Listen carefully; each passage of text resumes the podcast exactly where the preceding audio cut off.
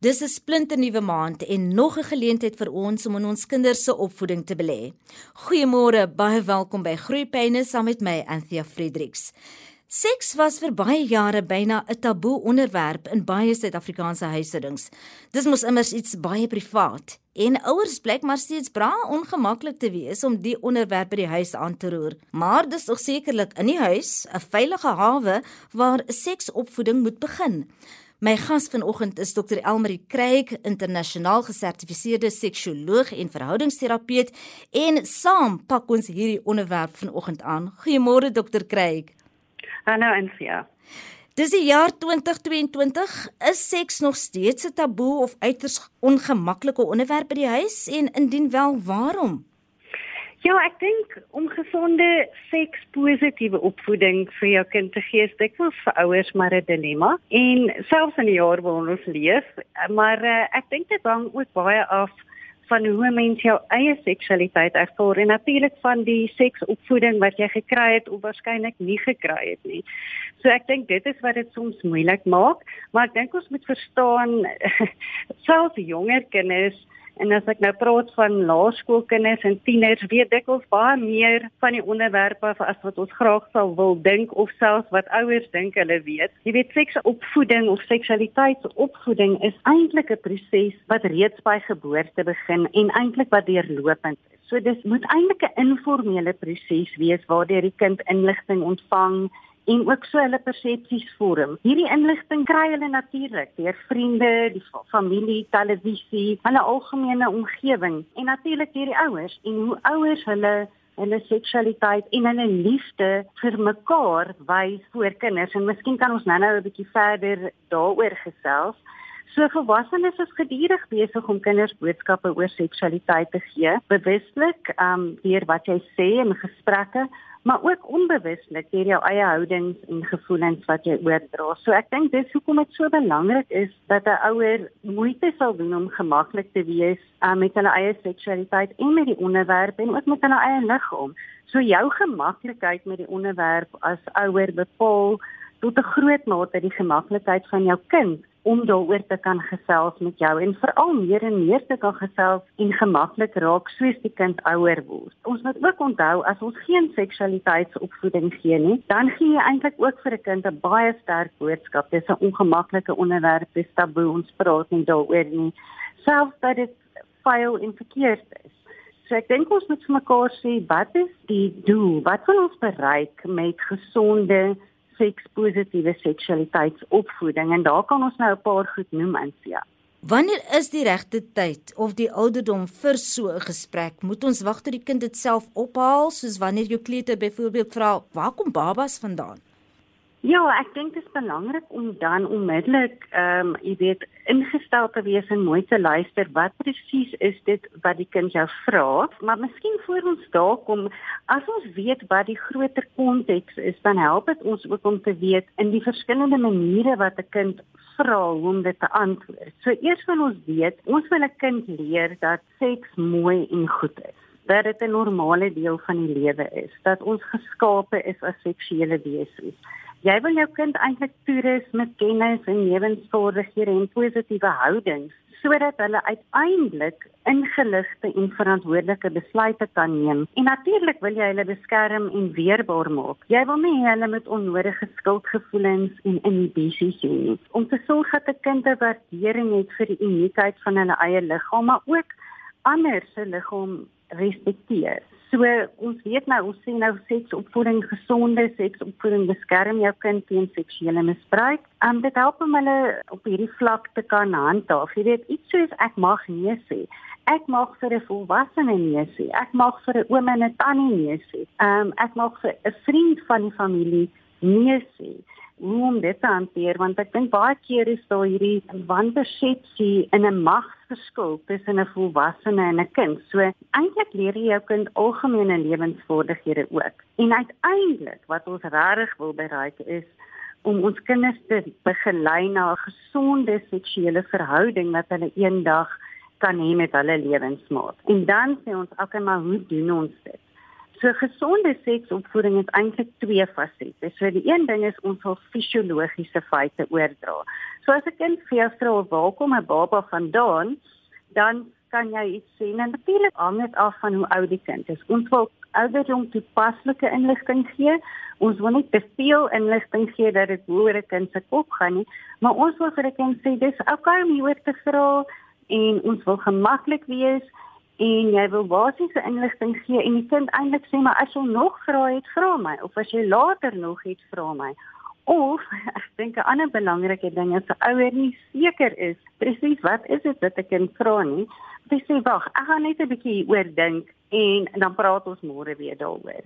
So ek dink mense moet ook sê ek het nie noodwendig altyd al die regte inligting nie want Deesdae kan ek vir jou sê is die goed waarmee kinders na vore kom en wat hulle vra soms nogal interessant en iets wat ons nie noodwendig altyd elke dag van hoor nie. So hierdie twee fasette waarvan ek gepraat het, die een is oordra van fisiologiese feite. Hoekom is ek 'n seentjie of 'n dogtertjie of ons vandag se tyd kan ons sê party, jy weet 'n mens word gebore as 'n seentjie of as 'n dogtertjie, jy het 'n penis of jy het 'n vulva en soms word babatjies gebore waar ons nie seker is is dit noodwendig 'n seentjie of 'n dogtertjie nie, ons nou daar's eers 'n tyd wat moet verloop voor iemand seker is. Waar kom babas vandaan? Jy weet dit is daai ehm um, wat jy sou sê wanneer twee mense lief is vir mekaar en dit gaan terug na die sekspositiwiteit is dit 'n manier hoe hulle hulle liefde vir mekaar wys en byvoorbeeld dan sou die pa het 'n penis en plant 'n saadjie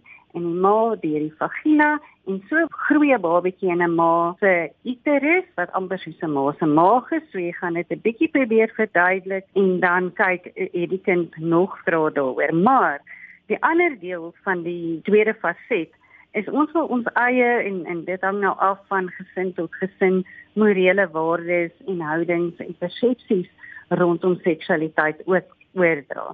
Jy weet baie keer dan sê dink ek mense dink om vir kinders inligting te gee rondom seksualiteit, seksualiseer hulle te vroeg of gee vir hulle toestemming. En ons weet navorsing sê eintlik vir ons die teenoorgestelde is waar dit vat eintlik daai nuuskierigheid weg wat vir sommige kinders soms in situasies sit waar hulle dan getraumatiseer word. So ons moet kinders van vroeg af leer dat seksualiteit en seks op sigself veel meer is as net die lyflike.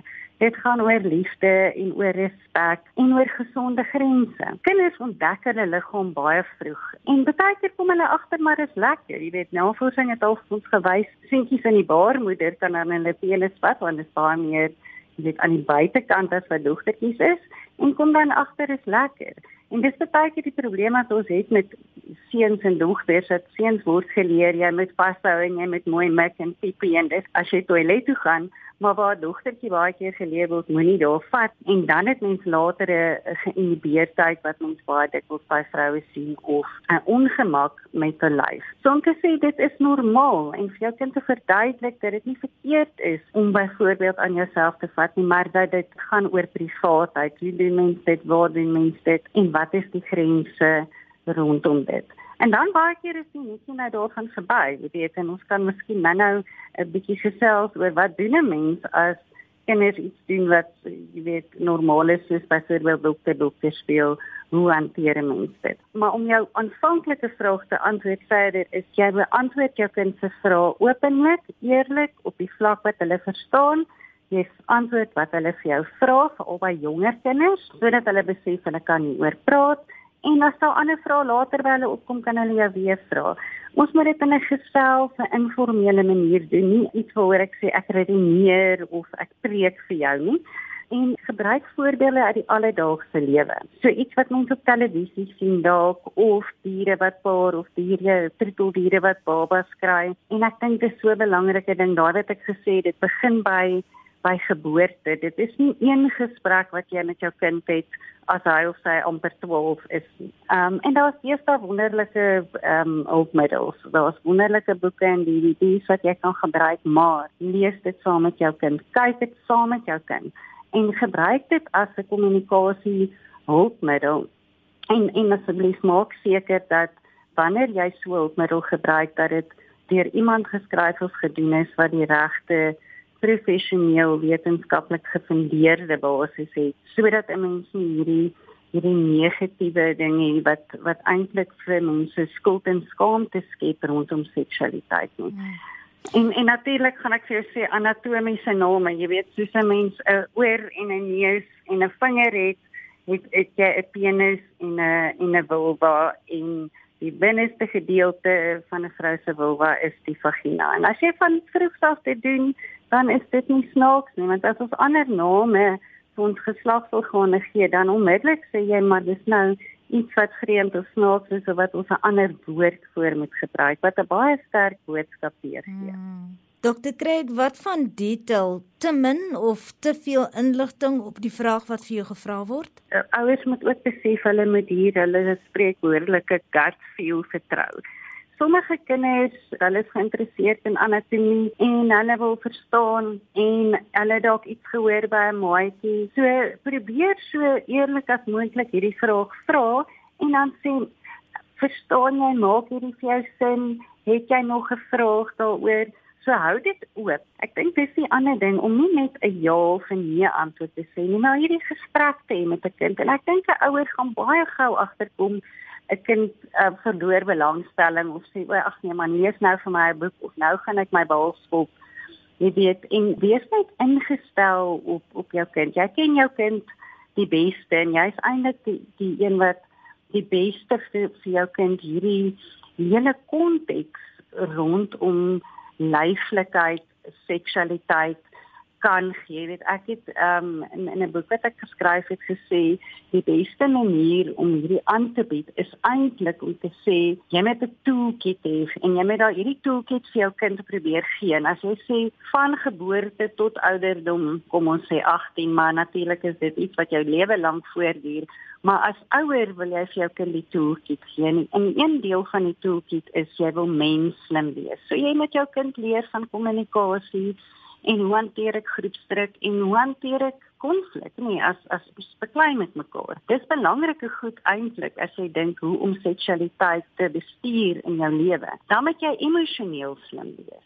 Jy moet weet om spanning te hanteer, jy moet probleme kan oplos, jy moet in die oomblik 'n besluit kan neem jy moet lewensslim wees. Uh en dan moet jy lyfslim wees. Jy moet verstaan hoe jou lyf verander en dit is hoe mens kan sê van kleins af, ehm um, dit hang af van die ouderdomsfase, nee, van 0 tot 2 is daar sekere ehm um, ontwikkelingsfase en ek dink hulle leer van intimiteit en van attachment van 2 tot 3 um raak hulle al hoe meer onafhanklik en hulle raak bewus van hulle geslagsorgane en so ontwikkel dit, nê. Nee.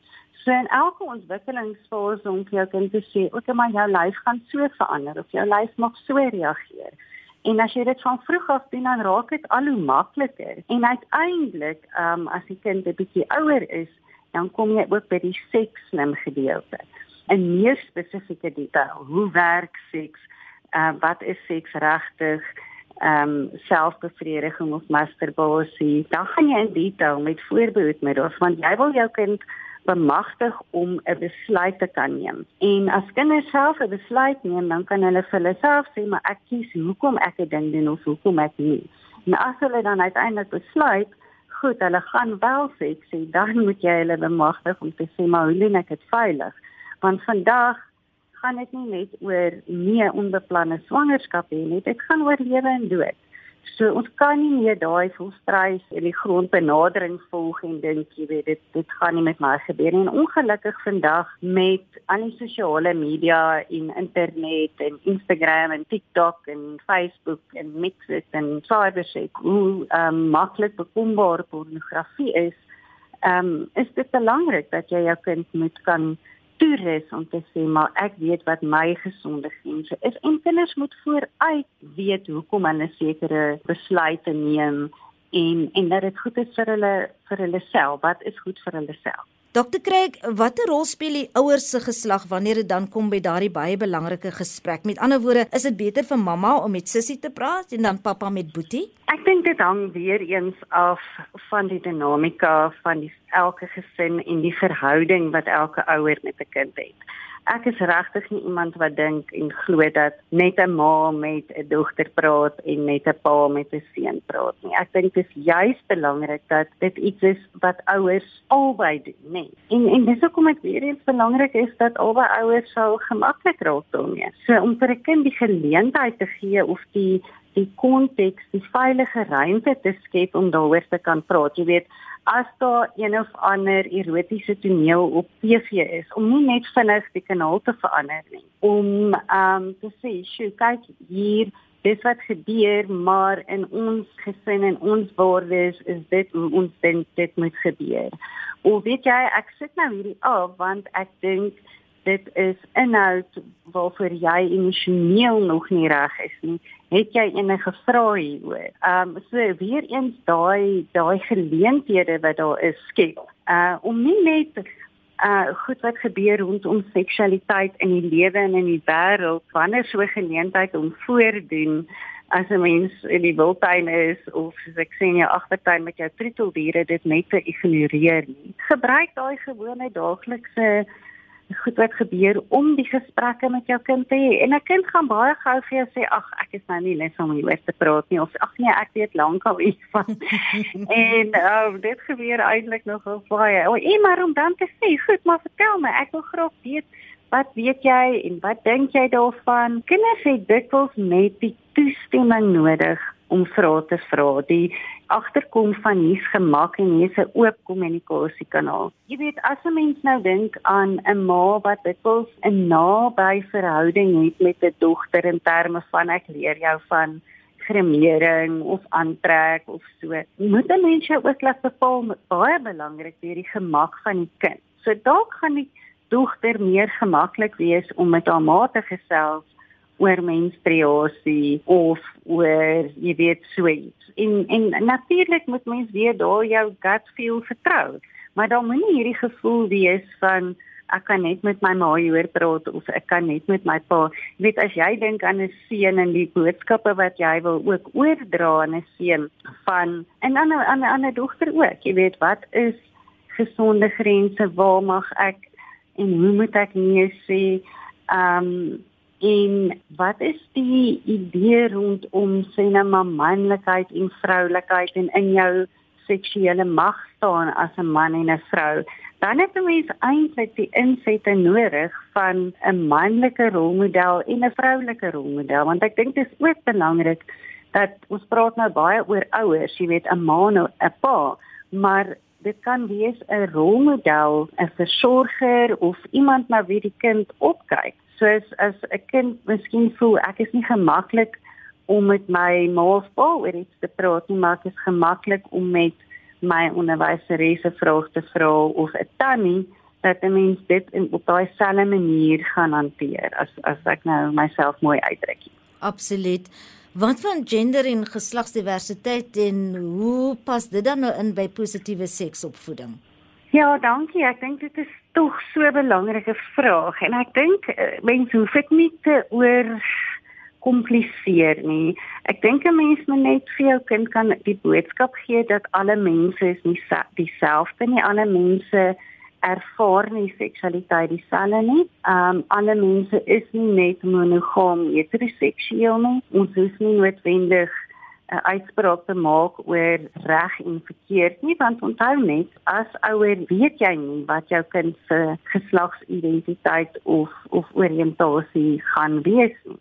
So as jy die hele tyd praat van eendag as jy 'n kerel kry, sit jy onmiddellik 'n skuld en skaamte op 'n kind wat dit dalk anders mag ervaar, nê. So om meer oop te wees rondom dit en te sê maar party meisies het 'n meisie vir 'n maat. Party seuns het 'n seun vir 'n kerel. En dit is wat gebeur soms en en dis nie noodwendig reg of verkeerd nie. In ons lewe wil ons almal respekteer.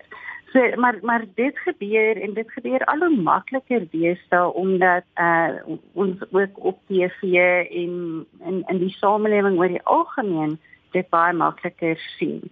So ek dink dit is juis belangrik dat jy jou kind sal leer hoe om sulke situasies te hanteer dat jy in integriteit ook en met sensitiwiteit en en 'n mooi Engelse woord compassion kan optree teenoor almal want jy weet nie wat jou eie kind se ervaring rondom dit gaan wees nie. Dokter Kreek, ek luister nou so lekker en ek weet by 'n volgende geleentheid sal ek jou moed terugnooi om weer oor die onderwerp te praat want daar's baie goed wat ons in hierdie halfuur glad nie kan of kon aanspreek nie omdat dit so tydsgebonde is. Miskien het ons gesprek afsluit met te vra wat is ongesonde seksuele gedrag met betrekking tot ons kinders? Wat moet ons as rooi ligte sien wanneer dit kom by hulle seksuele gedrag? Ja, ehm um, ek ek wil vinnig dit, dit begin leer te sê dis normaal vir kinders om dokter dokter te speel. Ehm um, en dan moet jy net diep asemhaal en kan en bly en geen omstandighede raas of sê nee, dis dis spel nie en net sê o, maar mens verstaan dit is soms lekker as mens aan jouself vat en hier is die grense rondom dit doen mens in privaatheid en so voort. Ehm um, dit hang natuurlik, jy weet, dis 'n baie moeilike vraag, ons kan 'n halfuur praat waarskynlik hieroor net, hmm. want dit hang af hoe oud die kind is. Maar met jong kinders gaan ons wonder of daar probleme is in terme van seksuele trauma as hulle kronies maagpyn het of sonder dat dit 'n fisiese oorsaak het, urineweginfeksies het, inureese het, hulle bed nat maak, as hulle veranderinge in hulle gemoedstoestand het, nagmerries kry. As daar enigstens ouderdoms ontoepaslike seksuele kennis is of ouderdoms ontoepaslike seksuele gedrag is. Maar as jou kind dokter dokter speel of as jou kind masturbeer, is dit nou nie 'n rooi lig en jy moet nou skielik wonder wat gaan aan nie. Maar dit is dan iets waaroor jy met jou kind gesels. So ongesonde seksuele gedrag, ek sê ek dink is iets waaroor ons baie lank kan praat. Maar hierdie goed wat ek genoem het is gewoonlik goed wat ouers vir my sal sê, maar moet ek bekommerd wees hieroor?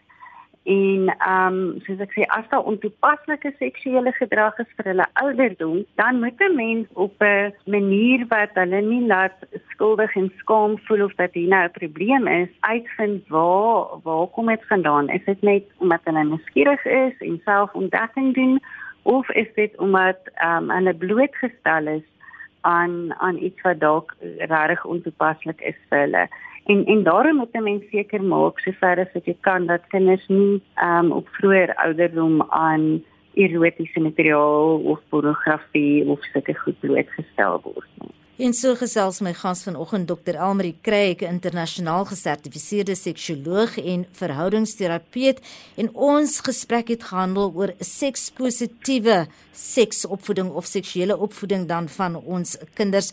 Dr. Kreek, ek gaan u definitief op 'n later stadium nooi dat ons verder oor hierdie baie belangrike onderwerp kan praat. Van my kant af baie dankie. Dankie en vir dit was lekker om te gesels.